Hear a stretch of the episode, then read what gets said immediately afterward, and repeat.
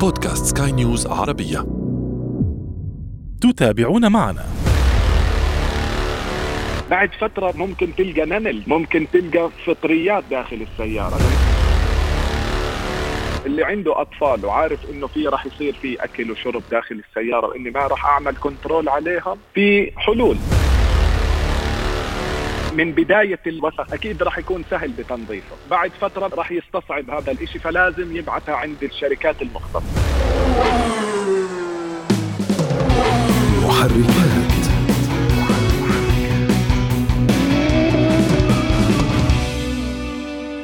أهلا بكم مستمعينا في محركات برنامج البودكاست الذي يهم كل من يقود أي نوع من المركبات أو حتى يجلس فيها. نحن هنا نهتم بتقوية ثقافة المركبات لديكم وفي كل حلقة نفتح أحد الملفات ولا نغلقه قبل أن نصل إلى نتيجة وتوصيات. أعده وأقدمه لكم أنا أشرف فارس عبر أثير سكاي نيوز عربية.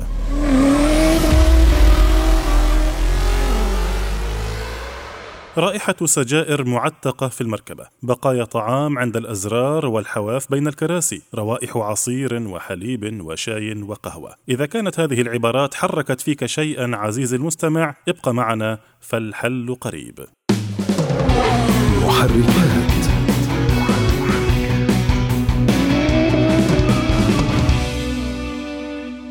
أهلا بكم من جديد. كل مركبة معرضة لأن يجتاحها الصغار يوما ببقايا طعامهم والتسالي وبقع العصير وربما بعض الألعاب الصغيرة أو قصاصات الورق أو غير ذلك. لكن لكي نكون منصفين مع أحباب الله فالكبار ليسوا بمنأى عن هذه التهم كذلك، فمنهم من يتخطى الأطفال بمراحل فتجد مقصورة مركبته تشبه قن الدجاج لكثرة ما فيها من بقايا وروائح، فناهيك عن أن البعض يدخنون أثناء القيادة وأثناء تشغيل المكيف، لكن حتى شطيرة الشاورما اللذيذة التي لا يحلو أكلها إلا ساخنة لحظة استلامها، هذه الشطيرة تترك ما تترك من روائح وربما البقاع. هذا إذا كانت متقنة الصنع طبعا وتقطر زيتا. هذا فيما يتعلق بمقصورة المركبة. فما هي أبرز الأخطاء التي يرتكبها أصحاب المركبات في الحفاظ على مقصورات مركباتهم؟ وما هي أفضل الوسائل للتعامل مع ذلك؟ للإجابة عن هذه الأسئلة وأكثر ليس أفضل من مختص في هذا المجال ليعطينا بعضا من خبرته. حول هذا الموضوع نستضيف معنا السيد أيمن الحمارشة مدير إحدى الشركات المتخصصة في مواد العزل وحماية السيارات.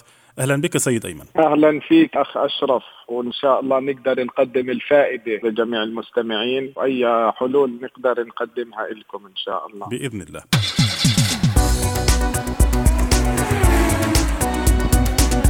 سيد أيمن بداية دعنا نتحدث عن المقصورة من داخل المقصورة. من واقع نعم. خبرتك أنت يعني تأتيك الكثير من المركبات للزبائن من واقع خبرتك ما هي أبرز المشكلات التي آه، ترونها لديكم في مركبات الزبائن؟ أتحدث عن المقصورة تحديدا. نعم. المقصورة الداخلية بالنسبة للسيارة كثير في مشاكل وبتبرز المشكلة الرئيسية من صاحب السيارة أو من سائل سائق السيارة.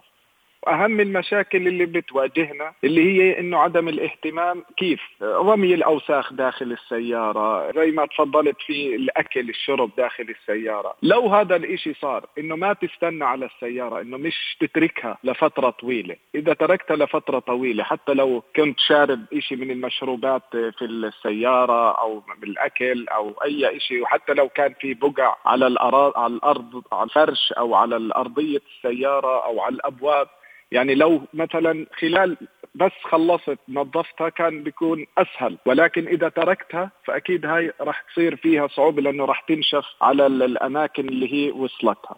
فعشان هيك هاي من إحدى المشاكل بتواجهنا عدم خلينا نحكي ال- ال- التنظيف الدوري للسيارة. إنه بتهملها لفترة بعدين بتتذكر إنه آي أنا بدي أنظف السيارة. لما تيجي تنظفها بتأخذ وقت وبتأخذ مجهود وبتأخذ مواد. فعشان هيك هاي الأشياء اللي هي من المشاكل اللي بنواجهها. طيب.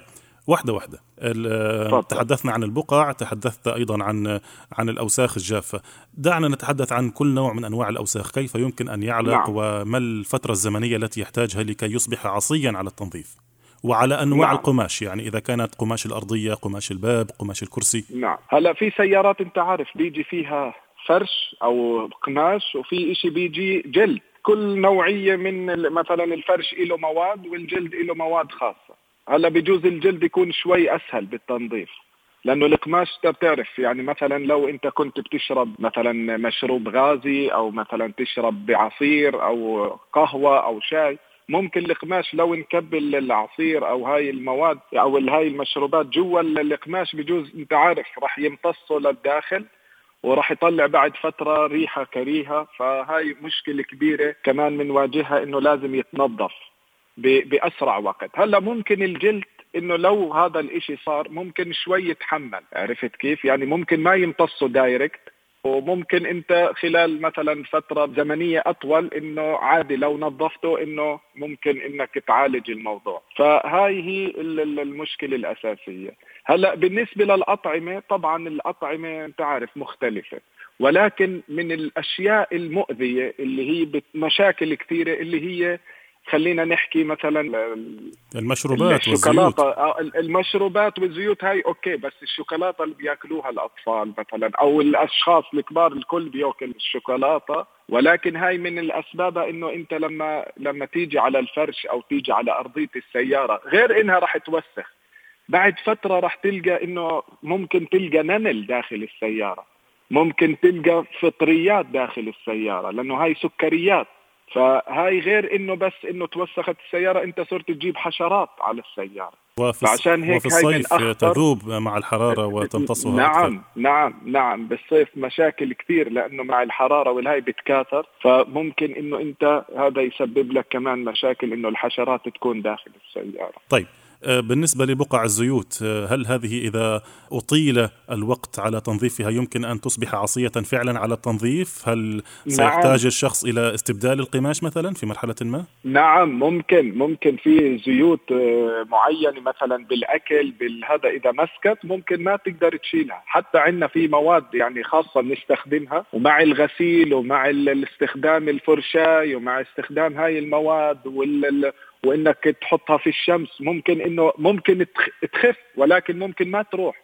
وهذا سببها إنه الفترة طولت وهي موجودة. حتى إنه ممكن يعني خلينا نحكي على مستوى إحنا كأشخاص الملابس. أول مثلا ما تيجي نقطة زيت ممكن تعالجها ولكن إذا تركتها خلص.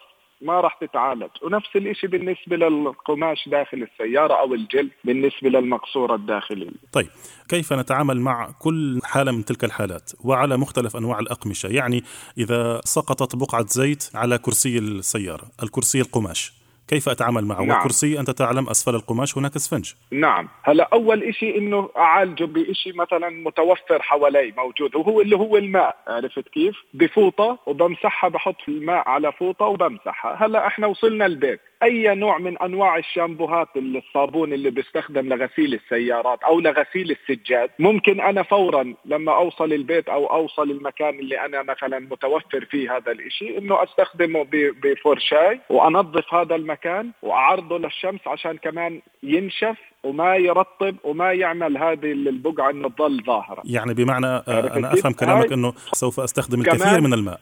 نعم الفكرة إنه أنا بدي كمان لما تخلص هاي التنظيف نظفنا هاي البقعة إنه إحنا لازم تتنشف دايركت عشان فورا إنه ما كمان البقعة تظل ظاهرة. يعني ممكن تختفي بس يعني مش بالكامل تختفي إنه تظل ظاهرة للبقعة الزيت هذا إذا كانت آه، بقعة حديثة وتعاملنا معها حديثا لكن نعم. ماذا ماذا لو أصبحت قديمة وجفت في مكانها؟ هسه إحنا شوف عندنا مواد خاصة بنستخدمها وفي مواد في السوق. شوف أحيانا ممكن تفك الكرسي عشان تعالج هاي المشكلة إذا كانت مستعصية.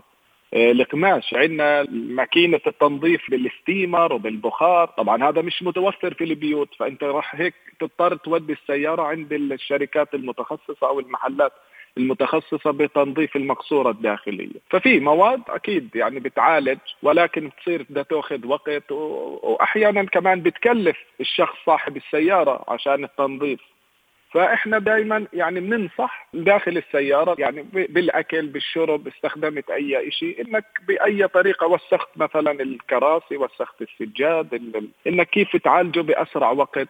أو إنه تحمي هاي ال ال هل الكراسي هلا أستاذ أيمن نحن نحن نتكلم يعني نظريا. إذا كنت أنت تخاطب آه، كبار في السن أو عقلاء أو بالغين إن صح التعبير نعم, نعم. ربما ينطبق معهم هذا الكلام. لكن آه، أي سيارة فيها أطفال سوف تكتشف هذه البقع متأخر جدا خاصة لو كنت تسمح للأطفال بتناول الطعام والحليب والعصير أثناء قيادتك أنت لكي آه، يسكتوا مثلا أثناء القيادة. لن يخبروك أوقع زيتا أوقع عصيرا أوقع حليبا على الكرسي وسوف تتفاجأ بذلك ربما بعد أسبوع ربما بعد شهر ربما عندما تفوح الرائحة صحيح. أتحدث هنا عن بقع قديمة فيها آه، الأطفال هم السبب فيها تحديدا كيف أتعامل معها نعم. هل هل أقوم بتنظيفها بنفسي هل سأذهب نعم. إلى شركة dry clean نعم. أم ماذا نعم هلأ قبل كل هذا اللي عنده أطفال وعارف إنه في راح يصير في أكل وشرب داخل السيارة وإني ما راح أعمل control عليهم في حلول إنه السيارة أنا في كفرات بركب للسيارة إنه عشان هاي المقاعد وهاي الأرضيات إنه ما تتوسخ. فبحط لهم كفرات للأطفال عشان لما يأكلوا يشربوها كل شيء يجي على هذا ال cover. عرفت كيف؟ فأنت هي حميت الكراسي وحميت السيارة المقصورة من داخل. ولو بعد فترة توسخ هذا ال cover بكل سهولة بتقدر تشيله. بتجيب إشي ثاني أو تغسله وتركبه already انت مرتاح انه الكراسي المقصورة من داخل الأصلية. الكراسي الأصلية والأرضيات إنه ما وصلها أي شيء من هاي الأوساخ. للي عنده أطفال وخايف إنه ما يقدر يعمل control عليها. ما هو أغلب اللي عنده أطفال مع... نعم. نعم إنه هلا بالنسبة بس بدي أحكي لك للجلد. هلا الجلد إحنا في مواد خاصة للجلد بيعملوا لها حماية. زي بحطوا كيف فكرة اللي حكينا عنه بالحلقة السابقة عن ال wax والسيراميك والأشياء هذه؟ في مواد خاصة للجلد طبعا. ممكن للقماش تنفع بس أنا بشوفها هي للجلد أفضل. إنه هاي المواد بتنحط زي الكريمات أو زي ال wax بنحط على الجلد عشان الجلد إذا توسخت السيارة أو عفوا الجلد إنه الشخص يقدر بكل سهولة بمسحة مي بفوطة مبلولة مسحة مي يشيل أي شيء لأنها هاي المواد بتمنع إنه الجلد يمتص أي شيء من هاي الأكل من المشروبات لجوا الجلد. فأنت هيك بتكون أنت حافظت على الجلد بهاي الطريقة. إذا ما بدك تحط الكفرات وخاصة إنه في سيارة أنا جايبها بتكون من داخل جلد وما بدي أحط لها ال cover فممكن إنه نخلي الجلد لأنه ممكن بالصيف في كراسي فيها تبريد داخلي للكراسي. فما بدك تحط الكفرات فهي بتساعدك هاي المواد إنه الجلد ما يمتص هاي المواد لجوا أو المأكولات أو المشروبات لجوا وما يطلع الرائحة الكريهة بعد فترة. فإنت هاي الطريقة ممكن تساعدك. طيب أنا صراحة بدي أعود لك لموضوع التنظيف لكن بما أنك فتحت موضوع الجلد عندي سؤال آخر. الكثير من أصحاب السيارات القديمة آه، يعانون مع تشققات الجلد وحدوث تمزق وتشقق بالجلد من من الجلوس من الاستخدام وليس بسبب أد... نعم. أدوات حادة. هذه يمكن استصلاحها؟ آه، في هلأ ممكن. هلأ في تقنيات جديدة زي صبغ الجلد بيصبغ الكرسي أو بيصبغ المكان اللي تشقق أو كذا بيعملوه من جديد. يعني بيعملوا له زي إعادة تجديد للمكان اللي هو تشقق أو المكان اللي اخترب عرفت كيف؟ ونفس الشيء مش فقط الجلد كمان القماش. يعني كثير في أماكن حتى القماش والهاي إذا تقطع خرب ببدلوه بيعملوا بفصلوا من جديد وبترجع السيارة زي كأنه فعلا أول مرة بتستخدم القماش. طيب جميل. أعود معك لموضوع التنظيف. تحدثت أنت عن تنظيف الكراسي وتنظيف السجاد والأرضيات والقماش إجمالا لكن هناك نقطة يقف عندها الكثير من الناس. آه، كما أسلفت إذا كان هناك أطفال يجلسون في الكرسي الخلفي فربما يبقعون الكراسي وأنت قلت بإمكاننا أن نغطي الكراسي بعد تنظيفها طبعا. لكن ماذا عن بطانات نعم. الأبواب؟ الأبواب المبطنة ببطانات قماشية. هذه البطانات لا أعتقد أن هناك غطاء لها. فهل يمكن تنظيفها؟ هل يمكن استصلاحها؟ أم سيتوجب تغييرها في مرحلة ما؟ طبعا أنا أتحدث إذا كانت عليها بقع آه، عصائر وزيوت قديمة. نعم. هلا مم يعني شوف إحنا مشاكل عند الأبواب والهاي قليلة إنه ما تيجي. أكثر المشاكل هي على الكراسي اللي هي أنت وين جالس الطفل. الأبواب والهذا ممكن يعني أنا بحكي تقريبا يعني 95% سهل تنظيف والهذا إنه بكل سهولة. لأنه أصلا الأبواب ما بيجي كامل قماش هو بيجي أصلا بيجي بلاستيك وصار يجي معاه كروم. يعني قطعة معينة بس بالباب في ال decoration اللي عاملينه في الباب ممكن يجي شوي قطعة قماش أو قطعة جلد. فهاي شوي بتكون يعني أخف وأسهل وما عليها مشاكل كثير.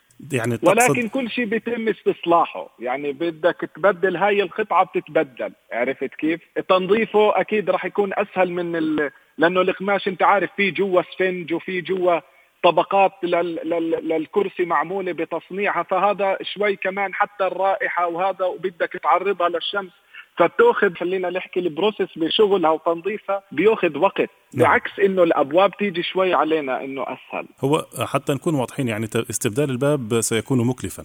أو استبدال بطانة إيه. الباب سيكون مكلفا. لذلك نحن نعم. نسال عن استصلاح الباب. هل هل يستطيع الفرد أن يقوم بتنظيفه بنفسه أم الأمر يتطلب شركة؟ كل الأوساخ حسب الشخص أنت بتشوف. إذا من أول من بداية الوسخ خلينا نحكي أول ما يشوفه الشخص أكيد راح يكون سهل بتنظيفه.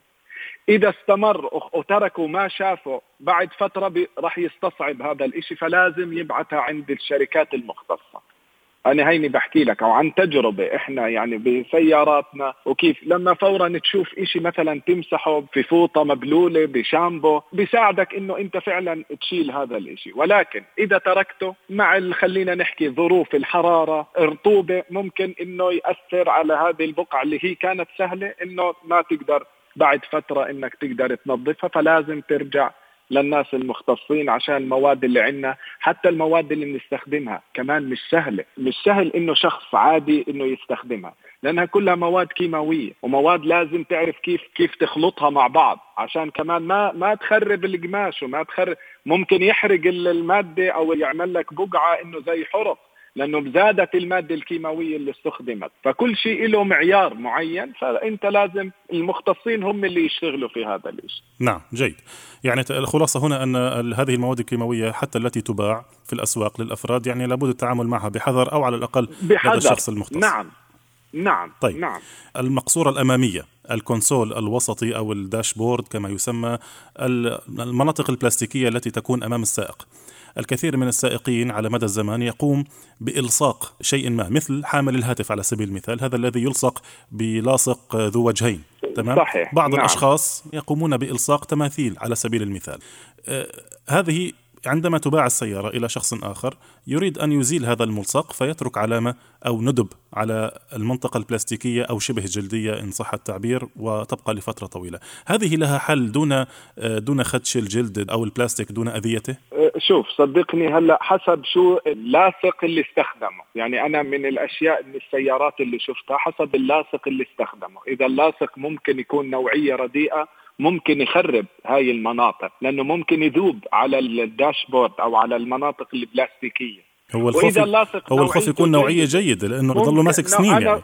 ممكن نوعية جيدة. أنا شفت كيف أنا بحكي لك عن خبرة كيف شفنا شو الأشياء. ممكن كنوعية جيدة وإنه سهل إنك تلزق الموبايل أو هاي القطعة وانك تشيله بكل سهولة. يعني أنت أول ما تجربها أنت ببين معك. وممكن أنت في نوع لاصق إنه أول ما تحطه على هذا البلاستيك مستحيل تقدر تشيله. هون في مشكلة إنه هذا بده يتنظف. هلا سهل ممكن يتنظف. بس إحنا بنحكي يعني الحالات بسيطة اللي إجتنا إنه ممكن لأنه من فترة قديمة كثير ممكن من الشمس بذاب على المناطق البلاستيكية إنه ما حدا قدر يشيله. ولكن أكثر القطع هاي اللي بيستخدموها بتنشال بكل سهولة. سهوله حتى إنه لو استخدمت مي استخدمت مواد خلينا نحكي مثل الشامبو المواد التنظيف البلاستيك. يعني هنا هنا سؤال آه، للشخص الفرد سهل. العادي. لو أراد أن ينظفها بنفسه يعني آه، سهل. يقوم بذلك. كيف كيف؟ يعني يستخدم ماذا؟ هل يستخدم قماش ناعم؟ هل يستخدم قماش خشن؟ لا القماش الناعم لا اللي هي خلينا نحكي الاسفنجة مع الصابون. عرفت كيف؟ مع طبعا المي. إذا القماش وهو ناشف ممكن يمسك كمان يلصق مع اللاصق اللي موجود. فأنت لا بدك تستخدم اسفنجه مبلولة عليها الصابون وتنظف هاي هذا المكان. وهلأ خشنة إذا كانت خشنة ممكن كمان أنت تعمل خدوش بالقطع البلاستيكية. فبدك تستخدم الاسفنجة العادية مع الصابون ومع المي. وآخر إشي طبعا بتنشفها لما ينشال هذا اللاصق وبتنشفها. طيب جيد. الزجاج. الكثير من الناس يلصقون لواصق على زجاج من الخارج. عند بيع المركبة هذا اللاصق يكون موجود لسنوات ويصبح جافا وربما متشققا حتى على الزجاج. هل يمكن أن أزيله أنا بنفسي أم سأحتاج للذهاب إلى شخص مختص لديه مواد معينة؟ هل يعني ما هي الطريقة لكي أتعامل معه بنفسي؟ شوف الطريقة هلا ممكن أنت حتى بالمي والهذا ما تقدر تشيله لأنه صار ال glue أو اللاصق هذا صار على الزجاج. تيجي سيارات كثير بنشيل لهم اللاصق اللي بيكونوا حاطينه أو stickerات معينة وإذا كان قديم. هذا لازم مختص لأنه ممكن يستخدم مادة حادة في طريقة التنظيف. هسا إذا شخص ما عنده الخبرة ممكن يعمل خدوش بالزجاج الخارجي أو من داخل. فلازم يكون شخص مختص لأنه ممكن يستخدم قطعة معدنية أو قطعة حادة إنه عشان عملية التنظيف. هذا ما يعمل خدوش فيكون عنده شوي وحتى بيستخدم كمان مادة معينة هاي بنستخدمها عشان يشيل هاي الاستيكرات. بس كشخص عادي إنك تقدر تحاول هذا الإشي إذا ذاب على الزجاج لا. طيب اذا وبكل سهولة بينظفوا لك إياه هذا إذا كان اللاصق قديم ومتشقق وذائب لكن نعم. إذا كان يعني ها ما زال في هيئته الطبيعية هل يمكنني أن أزيله بنفسي؟ ممكن خلص بتقدر بسهولة. نفس أصلا إحنا لما نغسل السيارات تلقى في stickerات تبدأ تروح من المي والصابون. أها إذا هو السر في الماء والصابون فقط. بس هي مي وصابون ال stickerات لأنه بالنسبة هذا ورق بالنهاية. بس تستخدم المي والصابون وخلص وأصلا أكثر ال stickerات على السيارات. تبدأ تروح من المي والصابون اللي بنستخدمها. يعني ما في إني أقول لك لا روح اشتري مادة ولا اويل معين ولا كذا. لا هاي في حالة بس إنه إذا ذاب على الزجاج وكذا لا أفضل إنه الشخص لأنه ممكن يستخدم آلة حادة عشان يشيل هاي اللاصق. فإحنا ما بدنا نصعبها على الناس أو على اللي بيستخدموا السيارات. في أشياء سهلة إنه أنت تقدر تستخدمها وتحل المشكلة. في في حالات معينة. طيب أه أنتقل معك إلى موضوع الروائح. عندما يكون السائق مدخن ويريد أن يبيع مركبته. رائحة التدخين تعلق في المكيف تعلق في الفلتر تعلق في, الكراسي. كيف أتعامل مع رائحة التدخين؟ أه، كيف بدك تتعامل معها؟ إنه بنصح إنه ما حدا يدخن داخل السيارة. يعني لأنه وقع وقع وقع الأمر بعد ذلك. طيب. هلأ هي من أصعب الروائح اللي بتضل جوا السيارة. لأنه مش بس بتمسك بالأقمشة وحتى بتمسك بالسقف وحتى بتدخل جوا ال AC وعلى الفلاتر الداخلية للتبريد فأنت كل ما تيجي تشغل السيارة ويطلع الهواء من من داخل ال AC راح تشم ريحة الدخان. هلا هذا شغله يعني خلينا نحكي مش سهل بيحتاج لوقت وبيحتاج لخطوات. أول إشي إذا عشان السيارة هذه أنت تعرف رائحة الدخان مؤذية فأنت أول إشي إحنا نعمله إحنا بنفك الكراسي داخل السيارة والأرضيات كامل. سيارة بتشوفها من داخل بس الأرضية بتشوفها حديد وممكن الداشبورد يظل لأنه مشكلة الدخنة أو الرائحة بتكون بالفلاتر فممكن يتم تبديل الفلاتر الداخلية عشان تروح هذه الريحة. ولكن الشغلنا بيكون في المقصورة اللي هو في الكراسي وفي الأرضيات وفي السجاد الداخلي. كل هذا بينفك وبيتم غسيله طبعا غسيل بمواد ومعقمات عشان الرائحة تروح. والأهم من هيك إنه لازم يتعرض للشمس وأنا بنصح أي شخص بدخن بالسيارة. وهو أنا بفضل جد إنه ما يكون هذا الإشي لأنه الراحة كثير بتطول داخل السيارة. بس إذا صار هذا الإشي إنه لما يوقف السيارة مثلا هلأ الجو حلو في هواء إنه بس أنزل الشبابيك مثلا الأمامية أو الأربع شبابيك هيك أنزلهم شوي أعمل تهوية داخل السيارة. الشمس تدخل داخل السيارة. إنه بتساعد شوي ها إنه الريحة شوي تبدأ تخف إنه مش راح تروح بس إنه بتبدأ تخف. فهي هاي مشكلة كثير كثير إحنا بنواجهها إنها بتأخذ وقت وشغل ولازم تعرض هذا كله الشغل أنت مش نظفت وغسلت هاي الأجزاء الداخلية جوا السيارة لازم كمان تحطها تتعرض للشمس وتنشف. لأنه كمان إذا ما نشفت كمان إنه تعاني من مشكلة الرطوبة إنه رطبت خلينا نحكي لما راح تزيد الطين ما نشف نعم إنه إنه راح تصير مشكلة ثانية إنه صارت ريحة رطوبة داخل السيارة. فعشان هيك هاي من المشاكل اللي فعلا صعبة وبتأخذ وقت ولكن إلها حل. مش إنه ما إلها بس إنه السيارة بدك تستغني عنها بدك توقف السيارة لفترة عشان هذا الإشي إنه فعلا يروح. كم الفترة تقريبا؟ تقريبا بين أربعة لخمس أيام. تاخذ شغل. للتجفيف هذا طيب. هذا بالنسبة لرائحة السجائر في في الكراسي ماذا لو رائحة السجائر كانت في المكيف؟ هل يسهل تنظيفها من المكيف؟ خلينا نحكي المكيفات الفلاتر الداخلية بدها تتنظف. الأماكن الفتحات هاي بحطوا لها مواد زي مادة رش داخلية اللي هي بتشيل هاي الرائحة العالقة. جوا الفتحات. فهي اكثرها هي بتبديل بجوز فلاتر بال AC الفتحات هذه بيتم تنظيفها. وبعد فترة يعني مع التنظيف والهذا بتبدأ إنه تروح هاي الروائح. طيب فيما تبقى لدينا من وقت يعني عندي سؤال. الكثير من الناس يطرحون بعض الأفكار المنزلية أو المواد المنزلية للتعامل مع مشاكل روائح المركبة وتنظيف المركبة. يعني البعض يقول لك استخدم الخل الأبيض لتنظيف الروائح. البعض يقول لك ضع كوبا من فنجان القهوة داخل السيارة واتركه ليمتص الرائحة. البعض يقول لك اترك الفحم. يعني هذه المواد المنزلية هل هي مناسبة فعلا أم هي مجرد خزعبلات والله يعني ما بعرف ما جربت. ممكن حدا جرب ممكن إنه استفاد ممكن ما استفاد بس أنا كثير يعني في حالات حتى لو استخدمت بخور استخدمت كذا في روائح مستحيل تروح. وهذا الفحم ممكن في أحيانا عشان الرطوبة كانوا يحطوها جوا الثلاجات وكذا اللي بيسافروا وكذا بحطوا فحم. في أشياء عادات إحنا كنا نستخدمها. ولكن جوا السيارات وكذا في أشياء يعني, يعني مواد داخل الثلاجة إيه؟ الثلاجة مكان مغلق وصغير وفيه كما نقول فيها دورة هواء في سيركيوليشن دورة هواء فتعيد الهواء إلى قطعة الفحم التي توضع فيها. لكن في السيارة نعم. يعني ليس هناك دورة هواء السياره ما أظن تعمل هذه الطريقة إنه لا ما راح تفيد. لأنه هو بيصير هاي إحنا حكينا من بداية الموضوع أو بداية الحلقة إنه إحنا مشكلتنا إنه هاي المواد وهذا الأكل والشرب والمشروبات كل شيء بيمسك جوا القماش وجوا السجاد. طيب ف... سؤال سؤال نهائي. أنا أنا أعتذر أنا أقاطعك كثيرا لكن عندي مواضيع كثيرة ووقت قصير. آه، بعض الناس يقوم برش العطور على أماكن الروائح أو على أماكن انسكاب المشروبات والبعض الآخر يقوم برش العطور في مسرى هواء المكيف. بمعنى يقوم رش العطر عند قدمي السائق وقدمي الراكب. من منطلق أن الهواء المكيف يقوم بشفط الهواء من تلك النقطة ويقوم بضخها مرة أخرى عبر فتحات التكييف. هذه الطريقة ناجعة نعم. فعلا؟ استخدام استخدام العطور؟ لا هاي مؤقتة. يعني خلينا نحكي إذا في جوا رائحة جوا السيارة وأنت اجيت جلست في السيارة فأكيد راح تستخدم هذا الشيء عشان بس تشيل الرائحة أنك أنت مش قادر تسوق أو مش قادر تقعد داخل السيارة. فممكن تستخدم هذه الطريقة إنه تحط عطر تحط بخور تحط إشي مادة معطرة ولكن أنت ما حليت المشكلة. لأنه لما يروح هذا رائحة العطر أو رائحة البخور من السيارة راح ترجع الرائحة. الرائحة بتكون صارت موجودة جوا السيارة.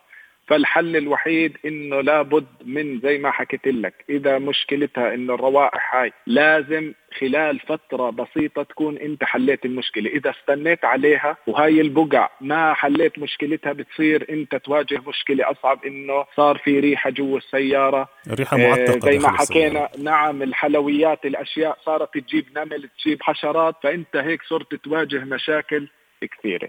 كل الفكرة كلها إنه أنا كصاحب السيارة أو السائق أو اللي معي بالسيارة. وين المشكلة؟ أنا لو حطيت كيس داخل السيارة كيس فاضي علمت الأولاد وإنه أي شيء بتخلصوه حطوه في هذا الكيس. بتصير عادة يومية انت لما تطلع هذا الكيس موجود. انه اذا لابد انه انت في اكل في شرب في هاي جوا السيارة رايح مسافة بعيدة. فإنه هذا الكيس فأنت لما تنزل وتخلص تمسك هذا الكيس وبترميه وانت هيك خلصت كل المشاكل إنه في أوساخ جوا حليت المشكلة قبل أن تبدأ. حليت نعم. المشكلة قبل أن تبدأ. ونفس نعم. الإشي زي ما حكينا بالأول. إجت على المناطق الحساسة فورا إنه حاول إنك تنظفها. ما قدرت اسأل روح زور المحلات الشركات اللي هي بتعمل تنظيف لهاي الأماكن عشان ما تواجه مشكلة أصعب وإنه تصير ريحة ورطوبة ومشاكل جوا السيارة. نعم، أنا أشكرك جزيل الشكر يعني أفتنا بمعلومات كثيرة وأتمنى الا نكون قد أثرنا على عملك لكل مجتهد نصيب طبعا.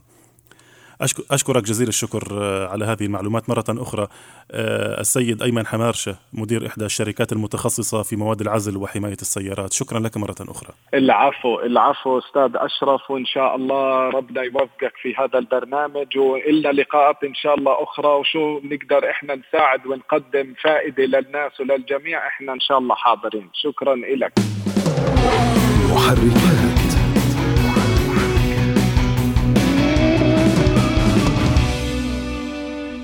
وأنتم مستمعين الكرام إذا حاز هذا البودكاست على استحسانكم يرجى منكم إعطائه التقييم المناسب وإذا كانت لديكم أي تعليقات أو تحسينات يسعدنا أن نستقبلها سواء في رسائلكم أو في التعليقات أسفل هذا البودكاست طبعا إذا كان ذلك متاحا. تابعونا دائما وأبدا عبر جميع منصات سكاي نيوز عربية. كان معي في الإخراج الفني إيدي طبيب في الإعداد والتقديم كنت معكم محدثكم أنا أشرف فارس. مرة أخرى نشكركم على حسن المتابعة. دمتم دائما وأبدا في أمان الله. مع السلامة. محركات.